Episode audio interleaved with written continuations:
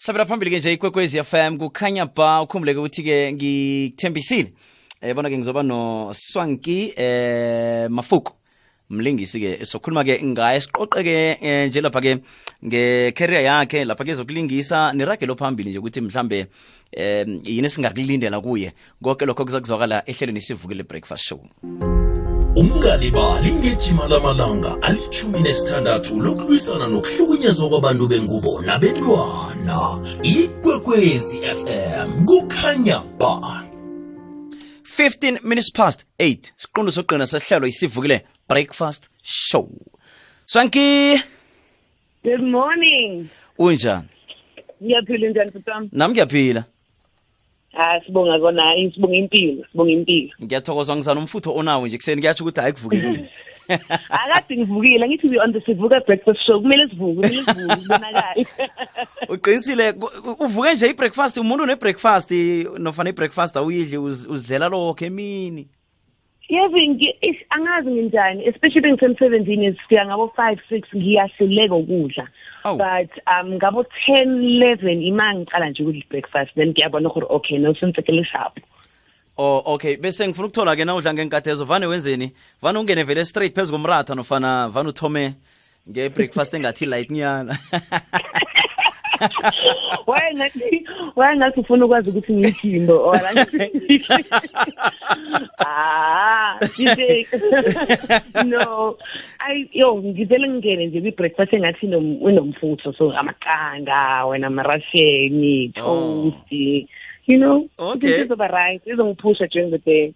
ah siyathokoza sithokoza isikhathi sakho bona ukhulume nathi namhlanje kukwekwezi fm ehlelweni sivukile breakfast show Ngiyabonga nami. siyathokoza-ke um khuseleke nasikhuluma ngoswanki mafuku sikhuluma ngobani Yebo. sibisele nje emuva Yo, khona ngentombazane ehlala eyahlala e-KZN. So I'm from KZN Durban. okay originally emlazi and um ngamuva aplana egoli ukuthi ngizophisiwe e-acting um ngi-actor i used to be i-news journalist kwi-radio nami emsakazweni. Mm. um ngi-published author sengabhala ibhuku elilodwa around must four and ngiyithandela nje i-communication. So it's in a communication public speaking in it ukukhuluma ukubhala that's definitely uswangi wow okay okay Yeah. okay.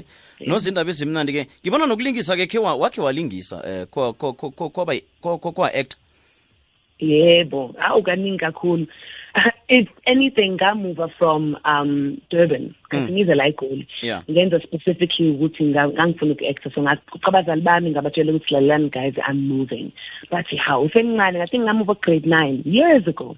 Ngabatshela ukuthi ngize eGoli, eGoli kuya act. I think ngifike eGoli ngiya kwi art school abathi National School of the Arts. Yeah. ila ngafunda khona ukulingisa ngakwa ngakhulisa khona aqhubeka ke vici ngaya khona and then khathi ngisevici ngenza i-honors yami that's when i got my first television tv break on sabc sitshela And ukuthi it was a ngiphi sikhumbuze. Eh, it was called keeping score ku-sabc two la kade Oh. ngihlala khona. Mm ngangigijima ngifithi ngitraina abantu nje. Ngidlala emi-lesbian. Eserious kabi okay. And then- mm. yeah, and then moving on from there, I just got most of my TV shows, most of them in the SAPC, and now just landed one of the big ones of my life. okay. Yeah. Ungakhona ukusihlebela nje mhlambe sengayo nje nanyana mhlambe ngakhe kube i-channel kodwana mhlambe ngayo nje ukuthi Ngingakuhlebela ngempela because ishow ya December ngiyicela i-channel but ngizokutshela igama lakhona. Um it's called How to Ruin Christmas the Wedding. And i-sitcom iphu- ifikile nje for abantu ku December ukuthi bazokurelaxa, i-comedy bahleke. Uyazi ngo December sithanda kuba nemindeni yethu, sidla ama popcorn, sishaya ama braai, sihlale behind the TV. So this is one show where nizokwazi ukuhlala nemndenini nihleke until nikhale. Uh, so hopefully nizo enjoy. Yes.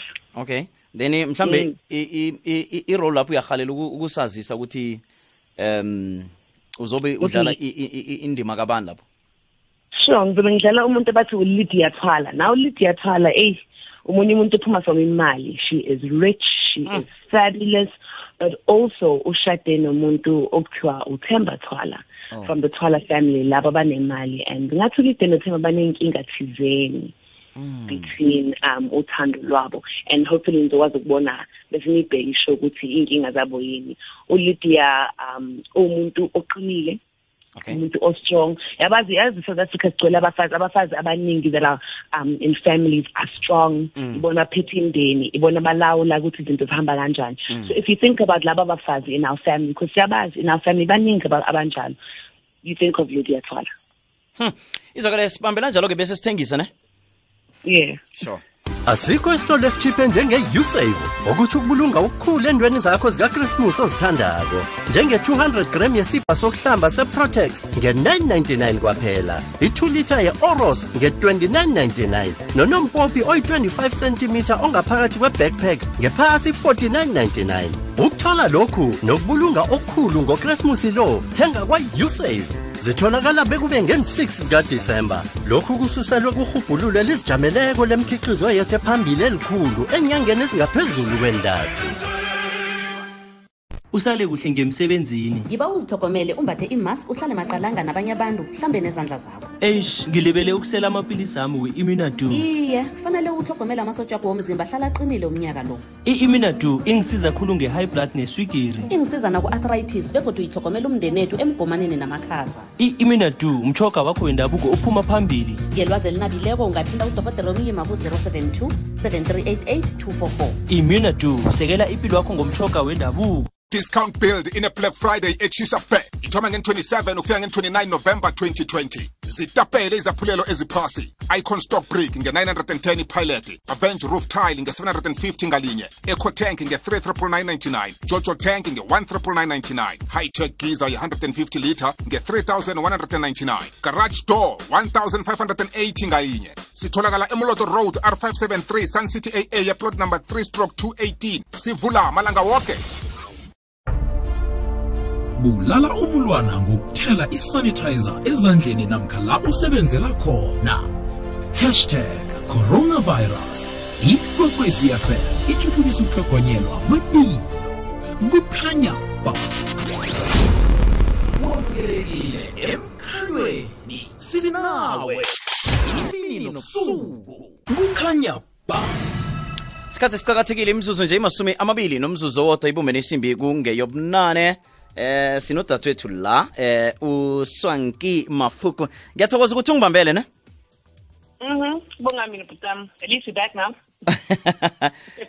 Siya- siyathokoza ke bese mhlambe ke nga- nga- nga- ngaphandle eh kokuthi ubekile industry ye esikiyo entertainment industry ngizoyibali yonke ngikuphi okhunye okwenzako nje ngespare nge-spare time sakho Vani wenzeni nge-spare time sakho nje yazi kule industry ugcina uthole ukuthi sometimes unomsebenzi and kube isikhathi eside and then kube nesikhathi la kutholakala khona. So kubalulekile ukuthi as umuntu actayo kule industry ukwazi ukuba nezinto ey'ningi eceleni. Oh. so for mina njengoba ngishilo outside of actor i said ukuthi ngangisebenza kwi-radio ngangiphablisha amabhuku but right now into engifocus yona is i'm a public speaking coach so ngirealize ukuthi from uku-actor ngithole ama-tools okwazi ukufundisa abantu ukukhuluma in public. Mm. so ngifundisa ama-corporates ngifundisa ama-executive ama-ceo of ama-company. Laba a- ingqondo zabo yo they are extremely clever but uthola ukuthi bekufele- be- bekumele ukuthi bame phambi kwabantu bakhulume bayasaba. Oh oh. So uwona msebenzi lo ngiwenzayo ngisiza abantu ukuthi bakwazi kube ne-confidence yokukhuluma baphinde futhi bazizwe kahle phambi kwabantu. Ezinye izinto engizenzayo ngiyabhala ngibhala ama-script. Uh, for various shows for playwriting. And other than that if i'm not acting i'm also teaching iy'ngane Oh. yeah. Nawuthi nawuthi ufundisa i eh, abantwana nje utsho ukuthi ungutitshere nofana unendlela wena owafundisa ngayo abantwana hayi uthisher hayi bengengize ngilunge lapho umiswangi umiss mafoko. No ngifundisa iy'ngane i-acting but Oh. kunento bathi applied drama and theatre so sayisikoleni ngafundela yona. If benga-active kwi-industry ngenza it's more like social um social justice work and involving i-acting to change ama-communities. So bengisebenza ney'ngane so ngisebenzisa ama-tools oku-actor kodwa ngiyise kuma-communities sibone ukuthi singashintsha kanjani iy'ndawo la abantu baphila kuzona ngofitshane wena-ke ngoba ukhe wa-actor usafundisa abantwana u- ukulingisa um i-industry le khulukhulu level eyi-acting i-industry enjani? Nangwaqoqela nje umlaleli um mhlambe ngendlela njengathi iyi-featuresana i-industry enjani? Umuntu ke mhlawumbe ufuna ukungena kiyo? Mm. yo umbuzo obalekile loyo because bengibheka ama DMs ami yazi ku Twitter or Facebook kuhlezi kunabantu abangibuza ukuthi Swanki ngiyayithanda lento kulingisa ngifuna ukungena ngingena kanjani Mm. eyokuqala bahlezi bese and baningi ama ex friends abahlezi bangitshela leyo nto leyo asikwazi ukusiza njengabalingisi thina ngokwethu because nathi sangena through ama agent Yeah. nakwesikoleni so ngingacela ukuthi if ngempela mpela uyayithanda lento leyo ifundele into ukuyithanda uyayifunda ngithi Mm. ifundele uqede ukuyifundela hamba uyokwazi ukuthi isebenza kanjani. Isebenza ngama-agent. So if you really are passionate about it from learning uzongena uzobheka i-agent. Maningi ama-agent egoli ethekwini because i'm from durban and various places la angakusiza ukuthi uthole imisebenzi. Imisebenzi ayitholi from abeningisi kumele uthole agent other than that kumele ube umuntu oqinile. Yazi abantu be- besibona ku-tv kubabona kude babona abantu abangathi bavele bavuke kusemathole imisebenzi. Abazi ukuthi i-acting industry idinga umuntu osebenza kakhulu ofuthi owaziyo ukuthi even if bayakujecta even if imisebenzi awuyitholi for six seven years uzoyithola ekugcineni umsebenzi wami wokuqala mina ngaqala ukusebenza ngina-thirteen kwi-stage hmm. I've worked professionally for over 13 years on stage. And umsebenzi wokuqala ngawathola ku-TV was six years ago. So bungabheka leyo leyo difference in time. If ukuthi ngive up from the early stages mina 13 nga ukuthi ngifike kuleyo 6 years ngaba ngi angifiyanga kule ndawo ngiyona manje. So idinga umuntu oqinile, idinga umuntu onesikhumba esiqinile and idinga i-support structure. If ngapela ufuna ungena kwi-acting, batshela abantu bomndeni wakho bakusupport because uzoba ney'nkathi la ungenayo imali. Because of the nature of the industry and that's abantu being honest. Besingakhuluma iqiniso that is iqiniso imali ngeke ize ibe khona all the time so bingekho uyithola kanjani ama-ways of rediscovering yourself or reintroducing yourself? As i said ngifundisa iy'ngane ngifundisa i-public speaking and ngiyabhala. Angi-act kuphela so iyona advice enganikeza abantu abafuna ukungena kule industry. Uzwakele ihlezi kamnandi khulu ke bese um umvumo uthanda umvumo njani eh phela kunama kufika amapiano nje kuyakokoda kokoti piano. Kuna kunabo gospel kunani na? Wena wenzani nawe kuyakokoda Why, ngizakala nga njengomuntu okokotayo. Ya kancane nangikulalelako ngiyeza ukuthi ukukokodanyana ngathi khona yabona ukukokodanyana okufihlakeleko. Hayi okay um mina ezumculo engithandayo because ngi-artist uhlukahlukene so ekuseni bengivuka angiqala usuku lami ngalalela ngegospel. Oh oh, okay. Ngi- noma ngikephi ngiyavuka nginjani i-gospel ngiqala ngayo. But ngine you know ngithanda bo-new soul ngiphinde ngithanda bo-jazz but ngoba kuDecember mm u-understand ukuthi ngizobe ngikokota all the way to Uzobe uvula igate? ah. uzobe uthini ba-ke laba abantu yona ithemi yami. Ile culo engithandayo lelo. Okay. No siyathokoza-ke um kuhle kuhle ke ngifuna nokuthi sikhulume ngoba siyabona nje siku-16 days of activism of no violence against women and children. Um siyazi-ke ukuthi begodu ne-gender based violence-ke kuyinto eqalelelwe khulu-ke nje mhlambe.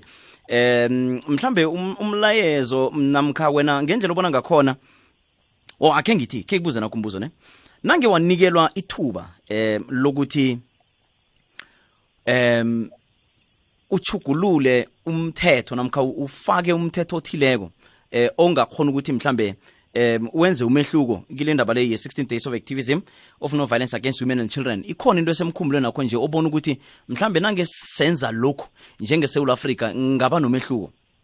Wow ngiyawubonga lo mbuzo. Ngiyawubonga kakhulu lo mbuzo. Because um as umuntu and izinto engisenda ngayo as I'm also an activist. And I've done a lot of umsebenzi around izinto around gender based violence and um, equality for abantu besifazane. And lo msebenzi is very important. Now if singakhuluma ngezinto ezingenzeka la eSouth Africa esiyabona ama-stats especially during the lockdown, i-lockdown ama-stats of gender based violence within our homes because abantu bengasebenzi went higher. Yeah. And there was an opportunity for um, o- you know uhulumeni wethu ukuthi uthathe ithuba ukuthi a- u-restructure ama-policies around gender based violence or i-police force ukuthi iqinise kuma-case of-gender based violence. Because uthola ukuthi abantu bangene ema-police station abantu besifazane bangene bareporte lama-case bangazwakali. Mm, mm. so my first things first before i even go to abantu ey'ndlini zabo ngingaqala nguhulumeni wethu government. Ngicela bandla baqinisele. Baqinisele ngakwi-police force baqinisele futhi nakhona nakwi- nakuma-policies aprotect abantu besifazane. Mm, mm. bengithi sengiya kumphakathi-ke manje thina-ke thina esiphila la e-south africa. Ungenzi ngathi awuboni? Siyazi yabo siyazi ukuthi abantu besifazane iyona backbone le society bese kukhona iqiniso.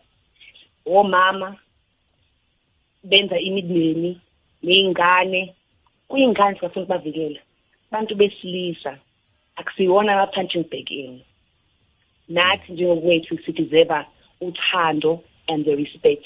Not because singabantu besifazane but because singabantu period. Hmm. So ngingavele ngikhala that's it. Ngiyakhalaza kwabantu besilisa ukuthi ngicela nabo if banama-trauma yazi ungathola ukuthi umuntu ukhule in a township or ukhule in indawo le there was disadvantages to them disadvantage to them. That's fine there's counseling for that. There's counseling for our traumas. But there's no reason in south africa we need to raise men that have traumas that go into be family men and then go and mess it up because they didn't deal with the issues that they come with. Same thing with women. If you are in a situation it's dangerous le and impilo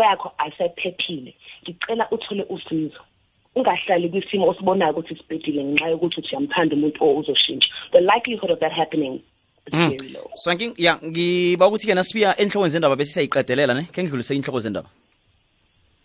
Nzotho? Advuna uvukile? ngivukele ngezwa kuwe. Nanzo. Ngizibambile. Sokele sithokozile kuyilapha uthemba sinana nenhloko zendaba ozakubuya nazo seziphelele ngesimbi yethoba. Eh swanki yebo. Noko sese ngikutheni-ke siyisonge kwanje? Um ngifuna ukuthola-ke mhlambe kukhona okhunye kukhona abantu abangakulindela okhunye mhlambe ngaphandle angithi ukhulumile ukuthi-ke ngodisemba eh kukhona ba- bazoyilindela lapha ke-sitcom bangayilindela ngodisemba. Mhlambe ngaphandle kwayo kukhona okhunye mhlambe abantu abangakulindela kuwe ocabanga ukuthi mhlambe kusalele ongakakuvezi? Yazi ngicela nje ukuthi besides le December which is very very important Yeah. abantu bazi ukuthi ngo-2021 usonke uyimisele ngokuya higher. And higher hmm. so okuningi angeke ngisakwazi ukukhuluma but if bangangilandela kuma-social media handles ami bazobe bebona kancane kancane ngirivele ezinye izinto zama-plans a-2020 hmm. but all i can say is that god is good. He's going to be great and it's even greater in the year 2021 and i'm really excited with them I- i- i-covid-19 ikuthinte kangangani wena? Ngoba nabantu abaningi vele iba isithindile abantu abaningi. Wena ikuthinte kangangani? Yo i-covid-19